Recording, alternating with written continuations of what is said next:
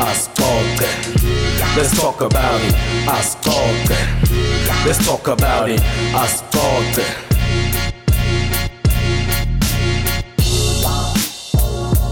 episode 45 iasixoxe na Prince Vilakazi i don't know ukuthi ngendeni uNkulunkulu but namhla ngise Paradise Cove sho into dihamba kahle mawucala kubukela le YouTube channel pressa subscribe la ku Prince Valley Media. Then mawufuna kubona konke lokwendakalako pressa le notification button utothola konke lokwendakala kule channel le. Yes today ngina Mr Mpumalanga finalist. Eh into lebengihappy ngayo ukuthi masisaqhamuka la endleleni besisacoca ngokuthi eh kuyofuna uhambe ulingisa abantu ba wrestling uhambe ngeanda lapha phambi kwabantu so sizokhuluma ngalokuthi nalesibinzini startup uphoyisa ngekwemsebenzi igama lithi ngiprayer so i don't know ukuthi mhlambe khona into lethambisana nelisondo but ngikonke lesizokhuluma ngako angikwamukele ku Prince Valley Media kunjani? Hey Prince eh Valley Media thank Yeah. you so much kungamukela eh kule episode yakho. Yeah. Ya njengoba shilo eh, uPrince eh, ligama ngiprayer sibonga ngwakambungela eh sitaba sicocisana kanye na Prince la eh sibuka kanye impilo yami nokuthi ngendani kwendakalani. Ngiyabonga Prince kuba nami namhlanje ukuthi ungihoste eh kule Prince Valley Media eh ngiyabonga ngifuna sithathe i-background yakho because uliphoyisa ngekwemsebenzi then sizobuya sibophe le ndzaba ya Mr Mpumalanga finalist ukuthi sifika kanjani man khula imisebenzi lebekuyi must sicala bekuyimisebenzi yaka government ukuthi mhlambe uyoba ngithishera uyosebenza ka government not emaphoyiseni. So yini into lekwente wafuna kuba liphoyisa wena? Eh eish wangibuthi question le le. Ngiyabonga. Okay, eh kuba liphoyisa ngizange ngikufune. I think it came as a calling. yeah Um usually benginokuphupha my late sister. okay But uma ngimphupha ngimphupha every time ufake impahla temaphoyisa. okay yeah Uma kafake impahla temaphoyisa ngiloku ngitibuda ngoba lo muntu akasekho and kafake impahla temaphoyisa untshintsha simo sasekhaya. yeah. Eh impilo sey right soul phoyisa but i couldn't understand actually ukuthi bekusho ukuthini lokho. Mm. eh kwaya kwaya kwachubeka ngiapply emaphoyiseni. Yeah. Eh nga-apply think lokhu apply kwami kuze bangithathe bese kwesi 5 yeah. So lo ngizama uku-apply bangangithathi but kunalento leyo ukuthi chubeka Yeah.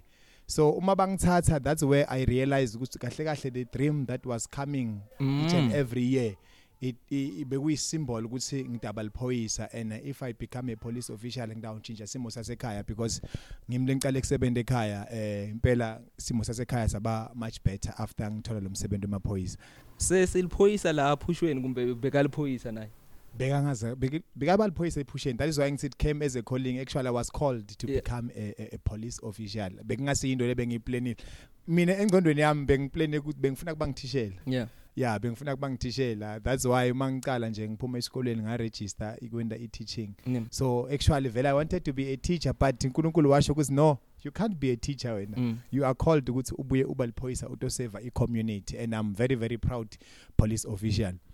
Eh kunetkundla. Emaphoyiseni. So uyati ma uapply ukuthi ngifuna kuyoba ngiconstable because konke kithi phoyisa buyafana mase nibona ngigcokele uniform la kuthi mhlambe uliphoyisa mara usebenza ngekudla ngesati kumbe uyacleana kuthi uyiclean emaphoyiseni asikwathi lo so bowat le position lebufuna kuyoba kuyo? I knew i really knew eh ukuthi what i want to be uma ngena kule industry emaphoyisa yeah.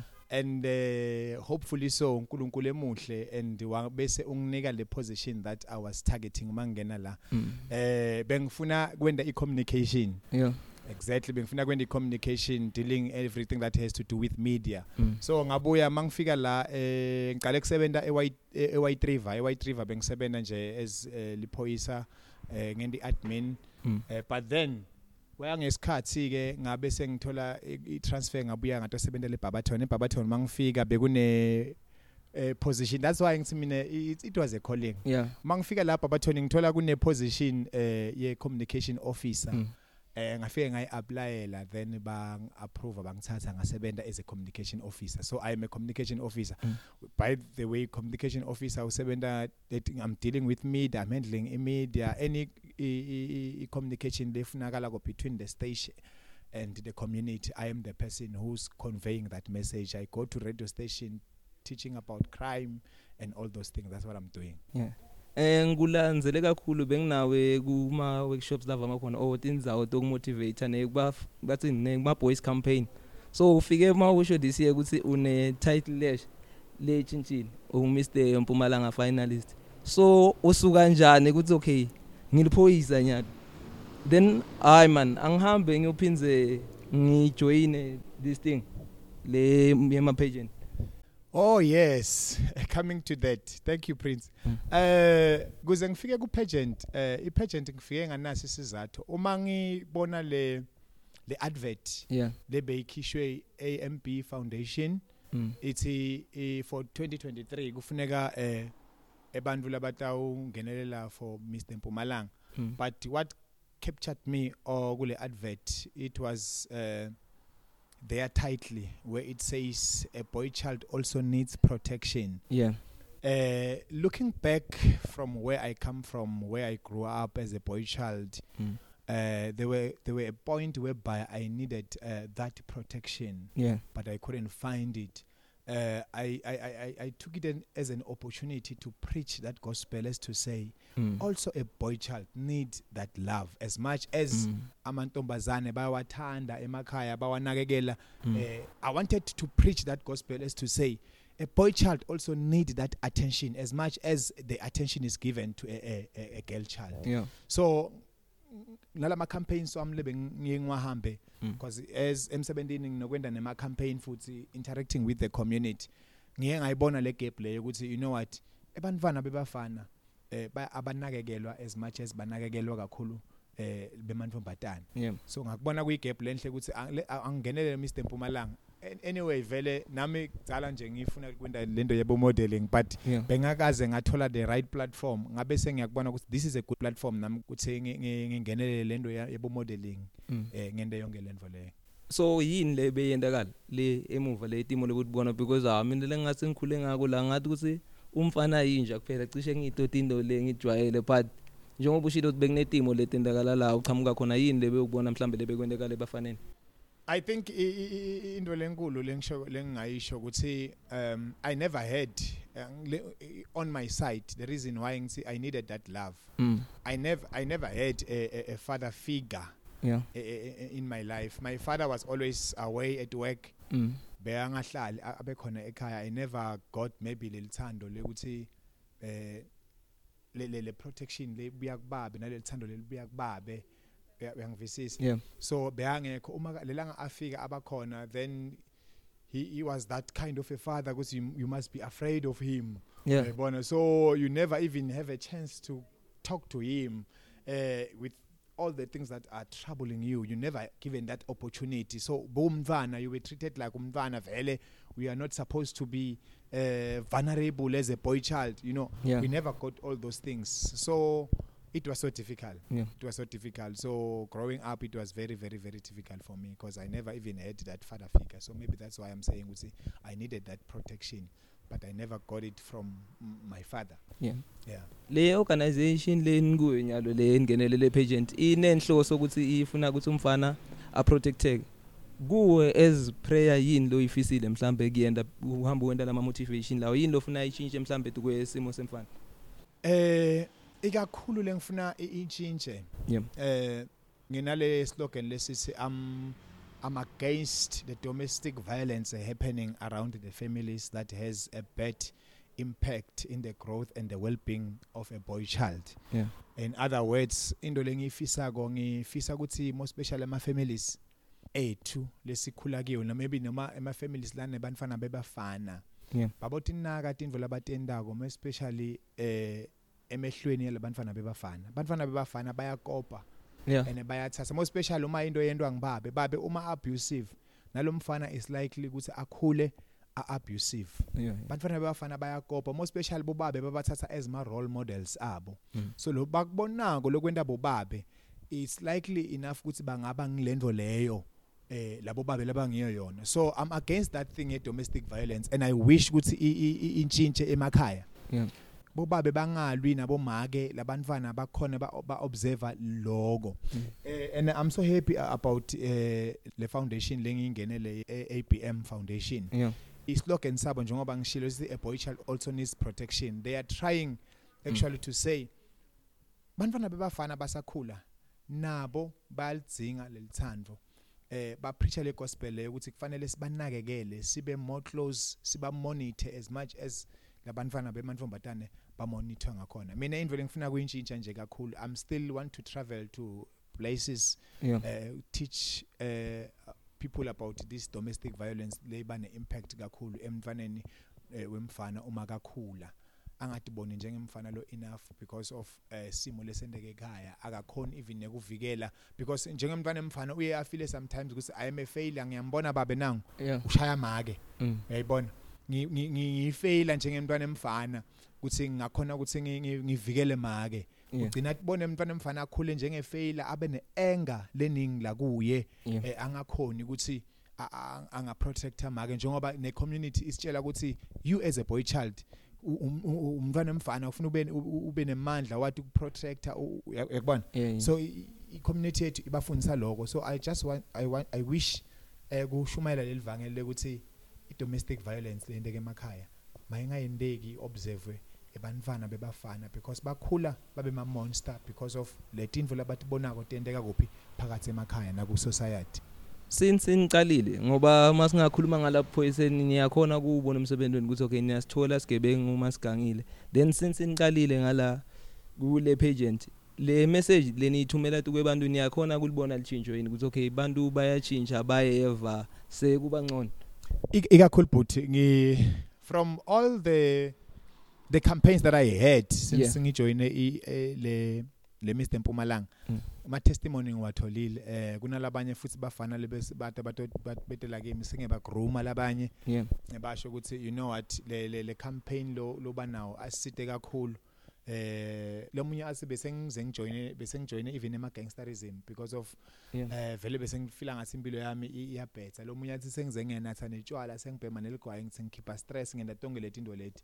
Eh because of i situation maybe leyendeke ekhaya mm. eh angisakhoni kuyihandlisha Yeah. so ngi- ngi- ngithole ama testimonies lamaningi lintshintsho ngiyalibona and i'm still hoping ukuthi even if lendvo yami istempumalanga indlula my target yami ukuthi ngichubeke ngibe nalama campaigns teaching the community yeah. About a boy child ukuthi i boy child kufanele ikhulise kanjani eh sinakekele a boy child. So i still wish ukuthi noma indlula le campaign le yami Mpumalanga ngichubeke ngipreach lelivangeli because akusinto leto gcina la.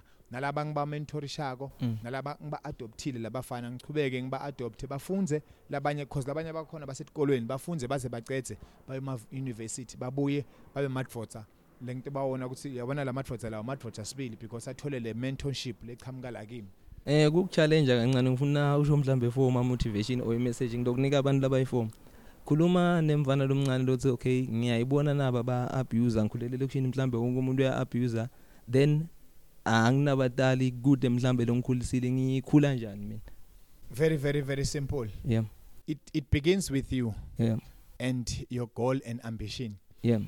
The situation that you are facing right now ayikuniketi ligunya lekuthatha ama choices la wrong la lataw cibetela ifuture yakho completely. Yeah. No matter how impilo i-challenge kangakanani rise up go to tindzawo lo ngakhona kuthola lisito. Baningi abantu la ungakhona maningi ama foundations la khona manje lavuliwe mm. uma ukosa ukuthi uhambe ukhulume speak ngesituation lobhekane nayo. Mm.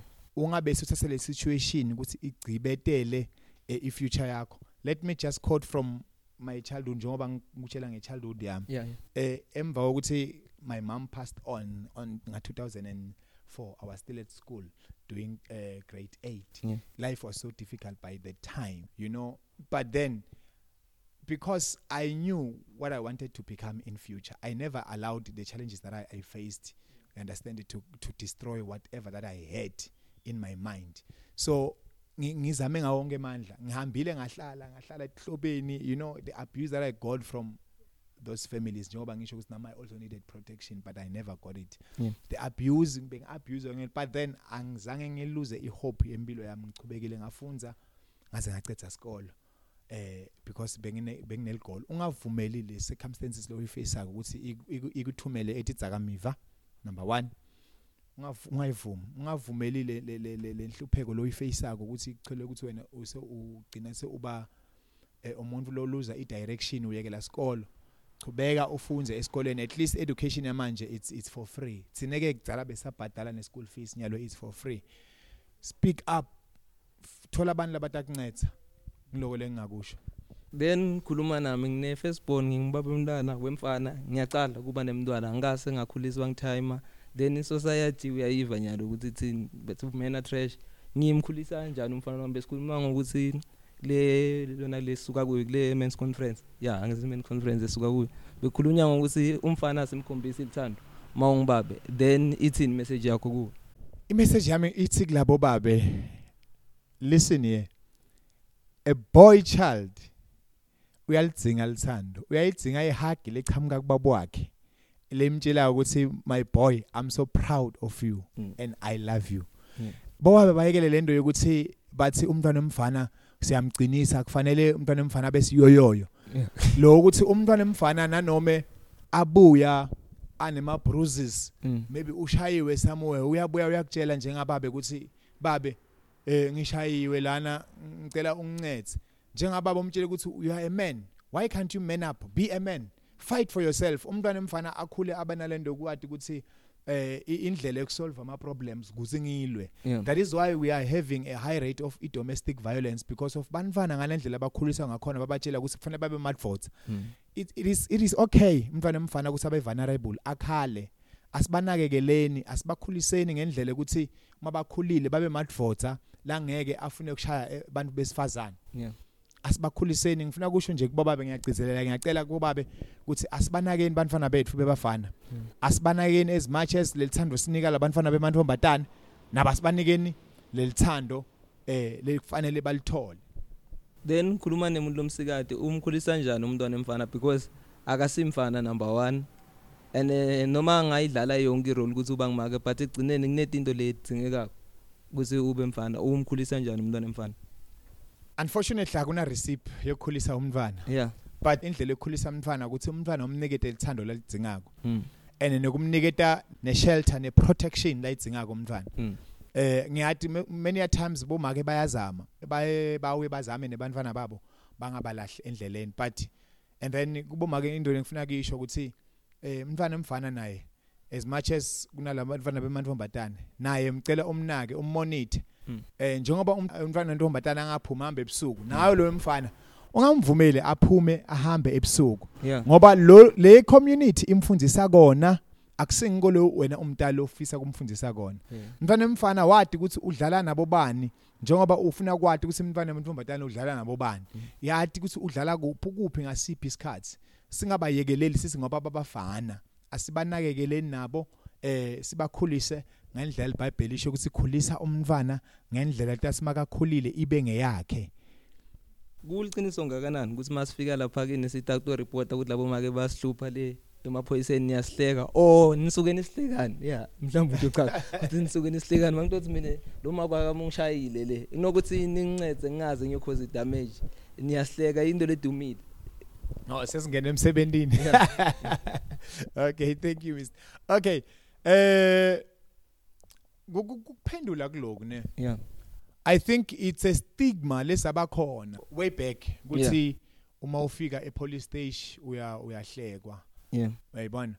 Eh i think way back kungasengakabi lento ye gender based violence kungasengakabi i family kakhulu bantu bangasengakabi family bangana information nga- nayo ngakhona. Uyakubona? Mm. so le incident i incident maybe lethu sike yayendeka kudzala eh kusambodi kusimakafika e police station maybe wahl- wahlekwa. Yeah. So yathwala from there ngoba stigma ukuthi vele eh, uma ufika epolice station uyahlekwa eh, Yeah. uma uyinvota uto reporter u reporter ukuthi mawa kakho uyak abuse Yeah.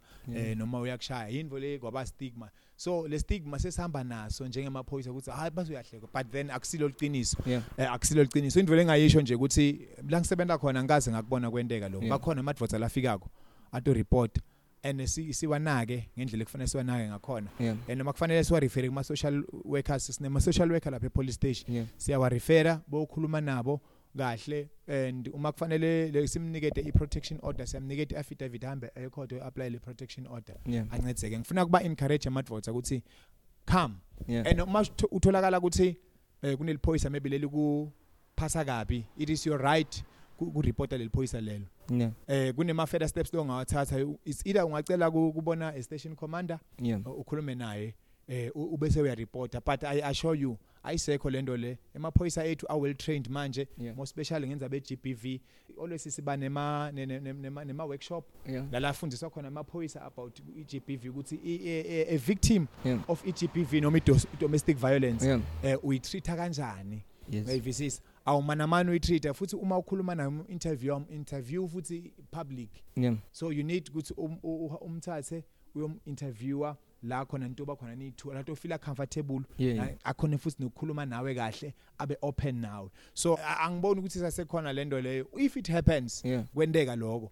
Eh uvumelekile ukuthi ungacela station commander bese uyayireporta nakhona uma ungafeel comfortable kuyireporta lapha e police station yeah. you can also go uyoyireporta kuphi? E province. Okay. I province ikhona go and report it e province then batakusida ni ku top bani nyalo ku Mr Mpumalanga finally oh nyelo sikuma finalist kahle kahle sikuma finalist eh sisale siyi 16 rank top 16 16 sesiyavelele ku crowning event. Yeah. Eh leto thatha iplace mhla ka 27 yeah mhla ka 27 April ngilase crown wakhona sikuma finalist eh ukunumber bani kule top 16 eh kule top 16 kwamanje ngema vote Yeah. last um last month bengilida i was number 1 ngema vote yeah. So i was leading and i'm hoping ukuthi na this month just that asengakawatholi eh eh ma ma ma score sheet ukuthi nyalo a- a- aphume si si si, si, si how far. Yeah. But then i was leading bengu number 1 so last month bengu number 1 and i hope ukuthi ngisate ba ku number 1 Mm. sifuna kuvota bafuna kuvota bayabona la. But before sibatshela ukuthi bavota kanjani eh khuluma nabo why kufuna bavotele wena? Njengoba ngishilo eh, ngicabanga ukuthi maka nginterview ukhuluma into letiningi lengifisa ukutintshintsha um for me to have a voice uh, to have that loud voice eh ukuze ngitshintshe le- lento yekuhlukubeteka kwebantu kwebantwana bebafana nekungakhuliseki kahle kwebantwana bebafana eh neku ku- kuba ivoice yebantu labasha more especially laba sebangene kakhulu kuma drugs because i still want to go and talk about that thing uh, try to help more Yeah. especially laba kuma ba- bantwana bebafana laba ku, ku, ku, ku drug addiction. Yes yes. Ukuthi sibatholele lisito eh i still want also ukukhuluma nabo eh eh, ikabantu ngale domestic violence eh leyenda emakhaya. I Yeah. still want to go and reach many places. And for me uh, to have that loud, vo loud voice Mm. I, i will need uh, to be crowned as Mr Mpumalanga. Yeah yeah. Eh ngi- ngivotelwe ngene ukuze ngikhone kusita. More especially i still want to help also nalabantwana laba eh laba ma street kids. Yeah. I want to give them shelter if Okay. if, if if if possible. Yeah. Uh, and for me to get ama sponsorship Mm. uh, kube na that voice uh, I will need to be crowned Mr Mpumalanga. I think my voice there will be very loud yeah. uh, as I will be having the title of Mr Mpumalanga. Because really we need to help our brothers more especially laba seba ku- ku- ku- ku- kuma street. Yeah. eh, bangasana hope. We still need to to restore i hope. Yeah. because mm, mm, some of them le situation lebalide eh kuze batholakale balapha etradini ngiyo lento engiyikhuluma ko ye domestic violence lendeke emakhaya. Yeah. Labanye bagcina babona ukuthi kungcono kuhamba bohlala le ngaphandle ngekuhlukubeteka maybe laba kuthola lamakhaya yeah so i really need the title ya Mr Mpumalanga yeah. for me to have that loud voice. Yeah. So please uh, if you can vote for me. Yeah. I want to be this Mr Mpumalanga. And I'm telling you uh, Mpumalanga will never be the same again after I have won the crown. Eh asethemba kutokwende kanjalo. Kungasidzala batoya kon crown kumbe batoya ko crown because sikhuluma nawe. Then siyathandaza njengeligama lakho ukuthi uwine. After maso winile buya ke la stophinze sibungade then sive ukuthi moving forward. Uto wenda njani? Ngiphi role ongayidlala ku community mangabe kufuna sikulandzele eh siyokhombisa umsebenzi wakho. Sitokulandzela siyi Prince Media siyabonga. Thank you thank you so much uh, Babaton ngithembenini kakhulu. Yes. Ngitangithatha ningibeke la kufanele ngibeke khona. Nkomazi as your boy child lokhule khona ngithembile futhi. Eh ningithathe ningibeke eh asivoteni asivoteni ngisupporte eh into lengitayicela futhi ukuthi eh ku social media ku more special eh, ku Facebook page lami personally niyong invite page lami nje lapha ku Facebook eh li simple lithi eh mfana futhi prayer mbongele uyangithola. Mfana futhi prayer mbongela uyangithola. Ningi invite eh ikakhulu. Siyabonga. Yeah so manje njengoba sengu interviewile so ngivote nokuvota mangingaganga ngeke usangibopha kini. Ebhuti ithi ganga ngivani nathi ngiyakubopha tandla netinyawo. Yeah. No umuntu siyabonga logangaka asimfuni. Eh ngiyabonga. Siyabonga kubukela i-Prince Valley Media. Ungakhohlwa kusubscribe ungithandele interview sebenzisa like then uyishare yeah samba njalo Let's talk about it. Ascolte. Let's talk about it. Ascolte. Let's talk about it. Ascolte.